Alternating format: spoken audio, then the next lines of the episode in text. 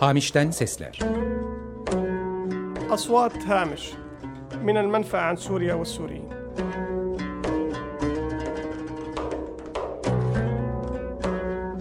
Suriye ve Suriyeliler hakkında sürgünden sesler.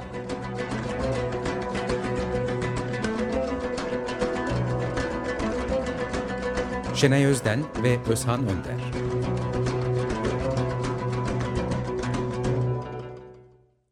Merhaba, Hamiş'ten Sesler'in ikinci programına hoş geldiniz. Ben Özhan Önder. Ben Şenay Özden. Hamiş'ten Sesler'de Suriye ve Suriyeliler, Suriyeli mültecileri, Suriyeli dostlarımızla birlikte konuşuyoruz. Geçen hafta ilk programda vurguladığımız bir noktayı bu haftada altın çizerek vurgulamak istiyoruz. Ee, Suriyelilerin Türkiye'deki yasal statülerinin mültecilik olmamasına rağmen biz Suriyelilere mülteciler demekte ısrar ediyoruz. Ee, çünkü iltica en temel insan hakkı ve Suriyelilerin topraklarını terk etme nedenleri e, onları mülteci olarak tanımak, tanımlamakta e, yeterli. E, yani eğer bu statüye sahip değillerse bu Suriyelilerin mülteciliği hak etmedikleri için değil, onlara bu statüyü vermeyen iltica rejimlerinde bir sorun olduğu için. Dolayısıyla biz bu programda Türkiye'deki iltica rejimlerinden bahsetmek istiyoruz. أهلا ومرحبا بكم في الحلقة الثانية من برنامج أصوات من هامش. نبدأ حلقتنا اليوم بالتأكيد على نقطة تم التطرق لها في الحلقة الماضية وهي أننا نصر على استخدام صفة لاجئين عند الحديث عن عن السوريين في تركيا حتى لو لم يكن لدى السوريين هذه الصفة القانونية في تركيا. لماذا نصر على مصطلح لاجئين؟ لأننا نعتبر أن طلب اللجوء هو حق إنساني أساسي والأسباب التي أجبرت السوريين على ترك بلدهم والقدوم إلى تركيا هي أكثر من كافية كي نعتبر أنهم لاجئون. لم يمنح السوريون في تركيا صفة لاجئ بسبب مشاكل في نظام اللجوء في قوانين الدولة التركية وليس لأنهم لا يستحقون صفة لاجئ O halde kime mülteci denir? Biraz e, bunu konuşalım. E, uluslararası kanunlara göre e, mültecilik nasıl tanımlanıyor? Ayrıca Türkiye'deki e, yasalar nasıl tanımlıyor? E, kimler mülteci olabiliyor Türkiye'de? E, uluslararası koruma çeşitleri nelerdir? Ve de Suriyeliler hangi e, yasal statüye sahipler? Tüm bunların cevabını almak için e, avukat Taner Kılıç'a e, bağlanacağız. E, Taner Bey Uluslararası Af Örgütü Türkiye Şubesi Yönetim e, Kurulu Başkanı. Ayrıca mülteci hukuku konusunda e, araştırmaları da e, var. Taner Bey merhaba, Merhaba, hoş geldiniz. Hoş bulduk. E, biz e, size şu soruyu sorarak aslında başlamak istiyoruz. E, uluslararası kanunlara göre kime mülteci denir? Evet, yani aslında mültecilik e, hani son asrın bir meselesi ol, e, değildir. Yani insanlık tarihi kadar eski bir meseledir iltica e, vakaları. Fakat uluslararası hukuk anlamında e, e, pozitif hukuk alanına girmesi 1951 e, yılında Cenevre'de imzalanan mültecilik hukuki statüsüne dair Birleşmiş Milletler Sözleşmesi'nin birinci maddesinde e, yapılan tanıma e, kavuşmuştur. E, bu uzun bir tanım ama çok kısaca şunu söyleyebiliriz. Belirli nedenlere bağlı olarak ülkesinden kaçan kişiler e, öncelikle e, bu tanıma e, tabi tutulmuştur. Onlar da ırkları, dinleri, e, tabiyetleri, e, siyasi görüşleri ve belirli bir toplumsal gruba mensubiyetleri nedeniyle e, vatandaşı olduğu ülkede bir zulüm görme tehdidinden e, dolayı kaçan, e, sınır aşan ve bu e, tehdit nedeniyle de e, kendi ülkesine dönmek istemeyen bir başka ülkece, ülkeden de bu yönde bir koruma talep eden kişidir e, mülteci. Evet. Ee, yani kısaca bunu söyleyebiliriz. Yani şu anda dünyada en yaygın e, taraf sözleş e, taraf devleti açısından da en Türkiye'nin de içinde olduğu en yaygın sözleşme budur. Kısmen farklı tanımlar da var. Başka bölgesel e, sözleşmeler de var. Asya e, halkları için, Afrika için, hatta Amerika kıtası için. Ama Türkiye'nin de taraf olduğu ve e, dünyada en çok e, tarafı olan sözleşmedeki tanım bu şekilde. Evet, e, belirttiğiniz gibi Türkiye'de bu Cenevre Sözleşmesi'nin imzalayıcılarından e, Evet. ve 67 protokolünü de imzaladı. Evet. Evet. Ee, peki e, Türkiye bu e, mültecilik tanımını tam anlamıyla uygulayabiliyor mu acaba? Ee, şöyle bir durum var. Evet Türkiye 51 Sözleşmesi'nin ve 67 protokolüne e, taraf bir ülke fakat en başından beri e, bu sözleşme coğrafya sınırlama ile e, imzalamış ve bu e, sınırlamayı da aynen e, ısrarlı bir şekilde e, sürdüren bir ülke. E, bu şu anlama geliyor. Sözleşmenin ilk imzalanma sırasında Birleşmiş Milletler tarafından e, sözleşmenin daha çok ülke tarafından imzalanması için e, bir e, taktik düşünülmüş e, tabiri caizse ve eğer istenirse e, bir coğrafi sınırlamaya tabi tutulabileceği söylenmiş sözleşmenin e, etki kapsam açısından.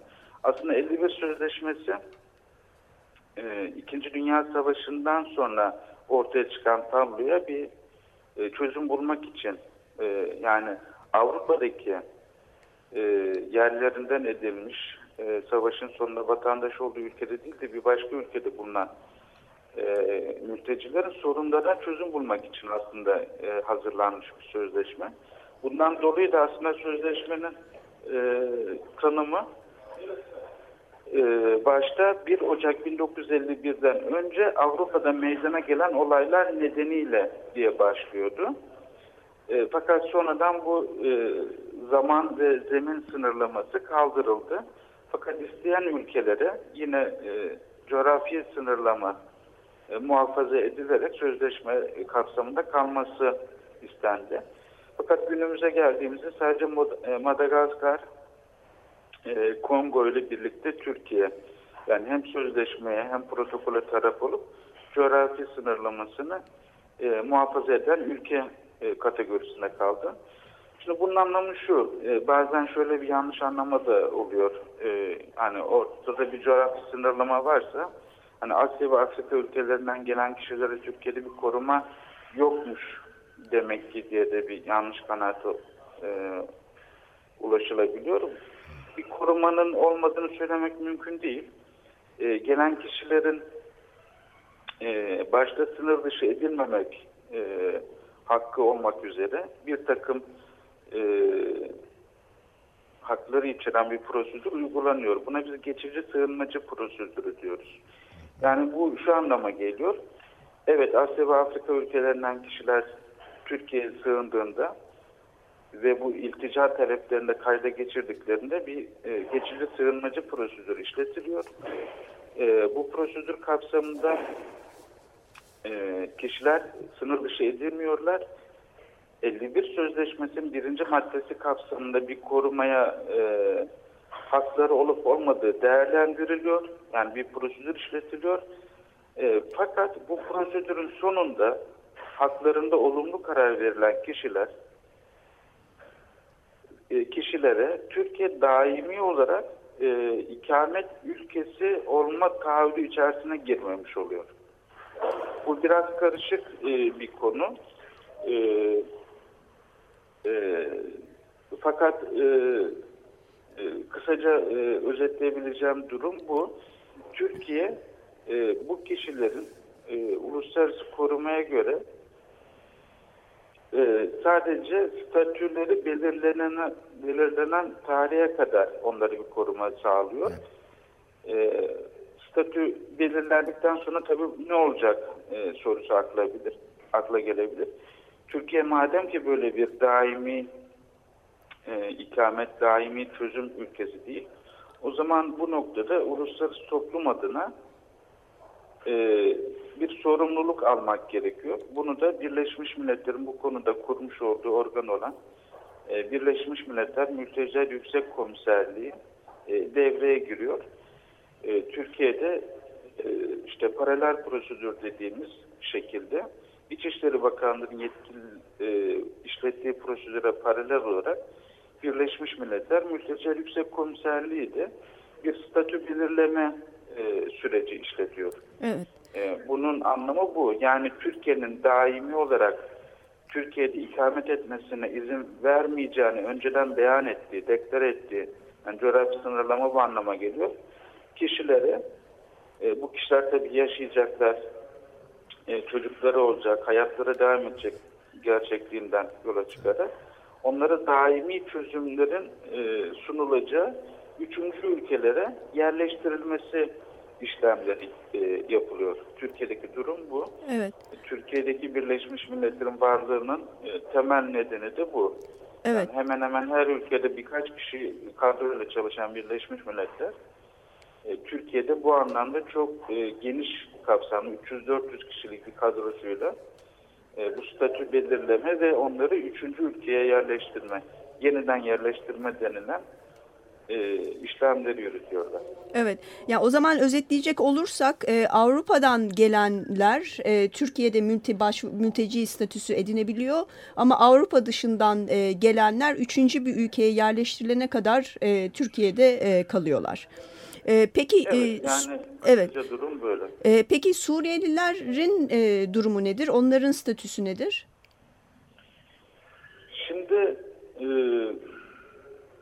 Suriyelilerin gelişi e, kitlesel bir geliş olarak değerlendirildiği için e, mülteci hukukunda eskiden beri yapılan bir e, tartışma e, bu kapsamda bizim de gündemimize girmiş oldu. O da şu, aslında 1951 Cenevre Sözleşmesi e, belirttiğim gibi İkinci Dünya Savaşı'ndan sonraki koşullardaki mültecilerin durumuna yönelik e, hazırlanmıştı. E, aslına bakarsanız sözleşmenin e, hani lafzını e, tek tek yorumladığımızda orada bireysel başvuru veya kitlesel başvuru ayrımı yok. Ve birçok bu alanda çalışan akademisyene e, ve teorisyene göre e, sözleşme sadece bireysel vakalara uygulanır, kitlesel vakalara uygulanmaz diye bir durum da ortada yok.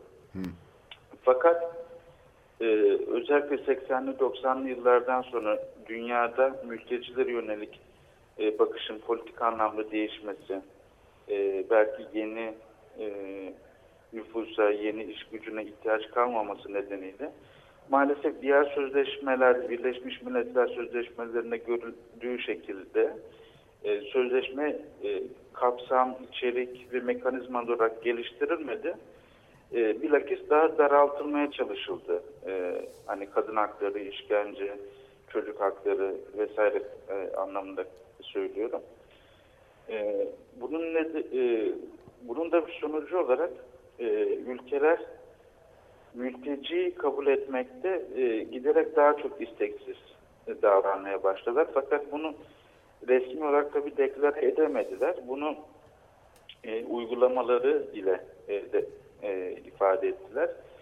Uygulamalarda bir fiziki tedbirler, sınırlardaki güvenlik önlemleri e, çok abartılı bir şekilde arttırıldı. İki, e, şimdi üzerinde durmak istediğim hukuki duvarlar örülmeye başlandı mültecilerin önünde. Ve e, 51 Sözleşmesi'nin kapsamında hiç düşünülmeyen, önceki yıllarda hiç e, akla gelmeyen hani zihni sinir e, hukuki e, projelerle sözleşmenin kapsamı sürekli daraltılmaya çalışıldı. E, güvenli menşe ülke, güvenli transit ülke kavramları mesela e, sokuldu. Güvenli bölge kavramları. Bu kapsamda da geçici koruma rejimi, temporary protection rejimi e, icat edildi diye söyleyeyim. E, çünkü aslında burada kitlesel akınlarda kişilerin mülteci olduğu hani tabiri caizse kabak gibi ortadadır. Çünkü e, insanların şehirleri bombalanıyor, yağmalanıyor, öldürülüyorlar ve can havliyle kaçan yani neredeyse doğru dürüst ayakkabılarını bile giymeden kaçan, eşyalarının çantasını alamadan kaçan e, bir anda e, binler, on binler, belki yüz binlerin kaçması halidir kitlesel akın. E, bu durumda kişilerin hani korktuğu e, tehlike, tehdit e, son derece açıktır. Ve aslında e, mülteci terminolojisinde e, prima facie yani ilk görüşte mülteci e, olarak nitelendirebileceğimiz bir durum ortadadır. Yani bu kişiler için bir statü belirleme prosedürüne bile ihtiyaç yok. Yani tabiri caizse kabak gibi ortada onların mülteci olduğu. Evet. Fakat dediğim gibi e, özellikle Kosova Savaşı'ndan itibaren e, e, Yugoslavya ve Kosova'dan e, Avrupa işlerine e, kitlesel bu anlamda sayıca çok kişinin iltica etmesiyle bu kavram e, ihdas edilmiştir ve e, bir şekilde uygulanmıştır. E, Avrupa Konseyi kapsamında iki tane e, direktif e, geliştirilmiştir. Ve e, bu kişiler eğer kitlesel olarak geldiklerinde 51 sözleşmesinden farklı bir durum vardır ortada denmektedir.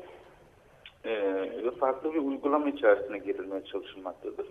Şimdi bu anlayış e, işte Nisan 2013'te Türkiye'de e, Türkiye tarihinde ilk kez kabul edilen e, Yabancılar ve Uluslararası Koruma Kanunu'nda e, 91. maddesinde de e, bir tanıma ve yasal dayanağa kavuşturulmuştur Türkiye'de. E, ama sadece tanım yapılmıştır yasada.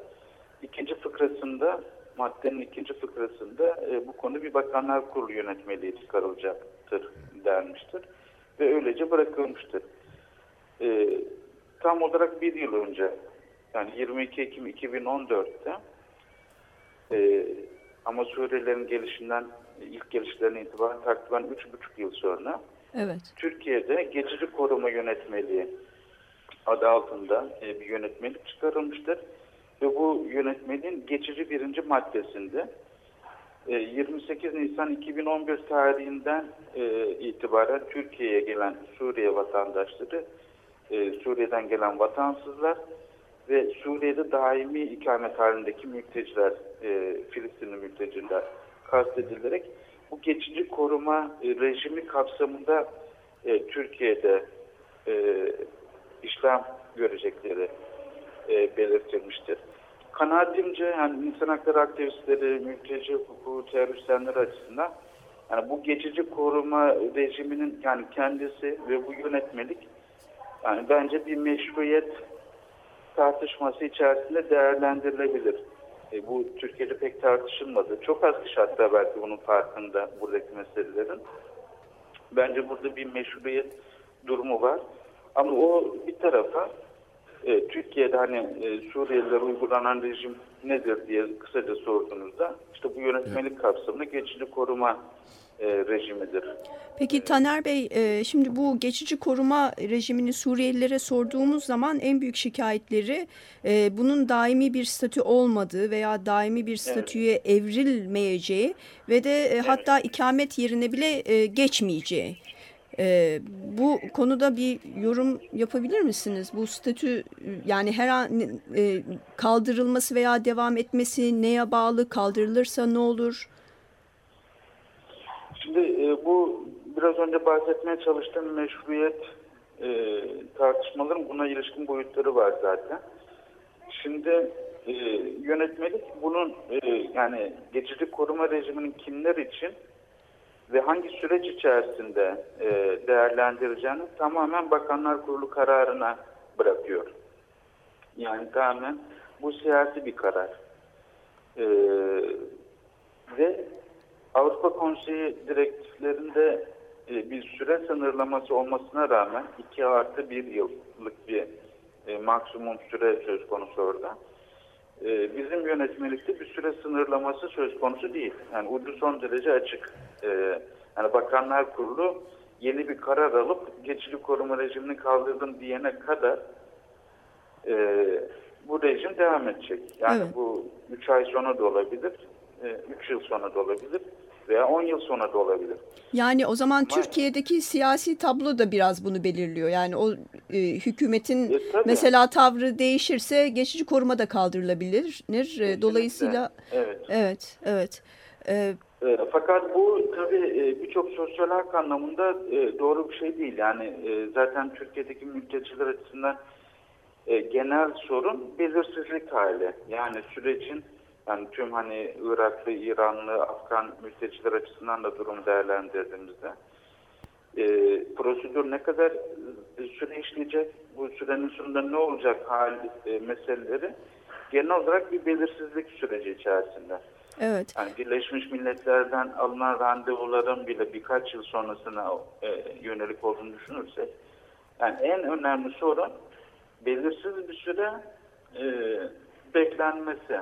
Şimdi Evet. Bu süreç içerisinde insanlar yaşamaya devam ediyorlar. Yani karınlarını doyurmaya, başlarını sokacak e, bir eve, e, çalışma yaşamına, çocukların eğitimine, her- yani insan olmaktan kaynaklanan her şeye e, ihtiyaçları var. Bu belirsizlik hali işte insanların e, normal e, ve kalıcı çözümler, e, yaşam koşulları oluşturmasına e, önünde çok büyük bir engel. Evet Taner Bey e, bir soru daha sormak istiyorum. Bu geçici korumanın sağladığı haklardan bahsedecek olursak sanıyorum e, sağlık hizmetine erişebiliyorlar. Geçici koruma altında olan Suriyeliler ve de e, Türkiye'de devlet okullarına kaydolabiliyorlar. Bir de e, şunu da e, sormak istiyorum. E, seçim e, oldu dün. E, bu e, Suriyeliler işte oy kullanacak e, dedikoduları, oy kullandı dedikoduları e, yine ortaya çıktı. E, bu hizmetler ve de bu Suriyelilerin oy kullanması meselesinde bir açıklığa kavuşturabilir misiniz? Evet yani başından beri maalesef bu e, hani Suriyelilerin ilk gelişinden itibaren her seçimde söylenen e, bir polemik oldu, spekülasyon oldu. Ama şimdiye kadar kaç tane seçim geçti? Hiçbir seçimde de bir Suriyelinin oy kullandığı tespit edilmedi. Yani bunu e, yani birazcık hukukla ilgisi olan ve biraz mantıklı düşünebilen bir insan bence şey. Çünkü e, seçme ve seçilme hakkı tamamen vatandaşlara münhasır bir haktır Türkiye'de. E, vatandaş olmayan birisinin de e, oy kullanma hakkı yoktur. Oy kullanmamışlardır da yani Suriyelilerin oy kullanması e, Türkiye'de mümkün değil. E, bunun da bildiğim kadarıyla hani şu e, sandıkta şu kişi oy kullandı diye ortaya konulmuş bir kişi e, bir vaka söz konusu olmadı. Ama nedense hep böyle bir çıkartılıyor bunlar. İtibar etmemesi. Bu e, oy kullanacaklar, mikrop getirdiler, ne bileyim kiralar yükselttiler gibi e, propagandalar diyeyim maalesef. Yani yabancı düşmanlığının e, izlerini gösterdiği e, e, ne şeylerdir, çalışmalardır. Evet. İtibar edilmemesi gerekir. Yani bunu hukuken e, herhangi bir dayanağı falan yok Türkiye'de. Evet. Çok teşekkürler Taner Bey programımıza katıldığınız için. Çok sağ olun. Ben teşekkür ederim. Çok sağ olun. İyi günler. İyi günler. Sağ olun. E, Taner bize e, uluslararası hukuk bağlamında e, kime mülteci denir bunu özetledi. Özellikle e, Cenevre Sözleşmesi'nden bahsetti. Türkiye'nin de imzalayıcısı oldu. Ancak Türkiye'nin e, kaldırmadığı coğrafi e, e, kısıtlama e, sebebiyle Avrupa dışından gelenlere mülteci statüsü verilmedi. Türkiye'de e, sadece üçüncü ülkeye e, e, yerleştirilene kadar e, e, Türkiye'de geçici olarak kaldıklarını anlattı ve Suriyelilerin de geçici koruma e, altında e, olduğunu belirtti. Geçici koruma e, bir takım haklar sağlıyor. İşte sağlık hizmetlerine, eğitime erişim gibi. Ancak ikamet anlamına gelmiyor ve de daha sonra e, daimi bir statüye de evrilmiyor. Ve bu geçici korumanın en büyük sorunu Suriyeliler için Taner Bey'in dediği gibi aslında bir e, e, belirsizlik e, içermesi ve de e, tamamıyla Bakanlar Kurulu'nun bir kararına e, bakması. Bunları özetledi Taner Bey bize. E, istersen bir de e, Yasin'den Arapça özetini de alalım bunun ve de e, programımızı böylece kapayalım. Dinleyicilerimize de haftaya görüşmek üzere diyelim. İyi günler. كان معنا على الهاتف تنار كيليتش رئيس مجلس إدارة منظمة العفو الدولية في تركيا حيث تحدث عن قصور نظام اللجوء في تركيا ونظام الحماية المؤقتة الموفر للاجئين السوريين أه، وقعت تركيا على اتفاقية جنيف عام 1951 وهي الاتفاقية الدولية التي عرفت الوضع القانوني للاجئين رغم ذلك لم تسقط تركيا التحديد الجغرافي لحالة اللجوء حيث تمنح صفة لاجئ فقط للقادمين من الدول الأوروبية. هناك فقط 43 لاجئ في تركيا. النوع الثاني من اللجوء المعترف به في تركيا هم اللاجئون الذين أتوا من دول غير أوروبية وهم الذين تنطبق عليهم صفة اللاجئ المشروط حيث يسجلون عند السلطات التركية والأمم المتحدة بصفة مؤقتة بانتظار إيجاد مقر نهائي للجوئهم في دولة ثالثة. نوع اللجوء الثالث هو الوضع تحت الحماية المؤقتة. السوريون ينضوون, ينضوون ضمن هذا النوع. يمنح هذا النوع من الحماية المؤقتة لموجات اللجوء الكبيرة حيث لا تستطيع السلطات إدارة ملفات اللجوء بشكل شخصي وفردي. أما عن أما عن تفاصيل آه، نظام الحماية المؤقتة آه، يوفر نظام الحماية المؤقتة حق الحصول على رعاية صحية مجانية. ونظريا تعليم مجاني في المدارس. كما يقدم بعض الخدمات الاجتماعية الأخرى. لكن ينبغي أن أشار إلى أن الحماية المؤقتة ليست إذن إقامة ولا تتضمن إذن عمل. وحسب القانون الناظم لوضع الحماية المؤقتة في تركيا مجلس الوزراء هو المخول بمنح حق العمل للمنضوين تحت هذه البنود القانونية. أمر آخر مهم تجر الإشارة له هو أن قانون الحماية المؤقتة لا يقدم أي ضمان لحل لاحق ومستدام لما بعد انتهاء فترة الحماية المؤقتة أي أنه على سبيل المثال لا يضمن أن اللاجئين المنضوين تحت هذه البنود القانونية سيحصلون على إقامات بعد ذلك Hamişten sesler. أصوات هامش من المنفى عن سوريا والسوريين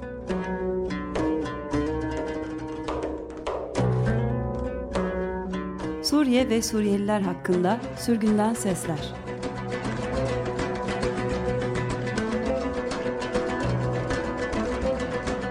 Şenay Özden ve Özhan Önder.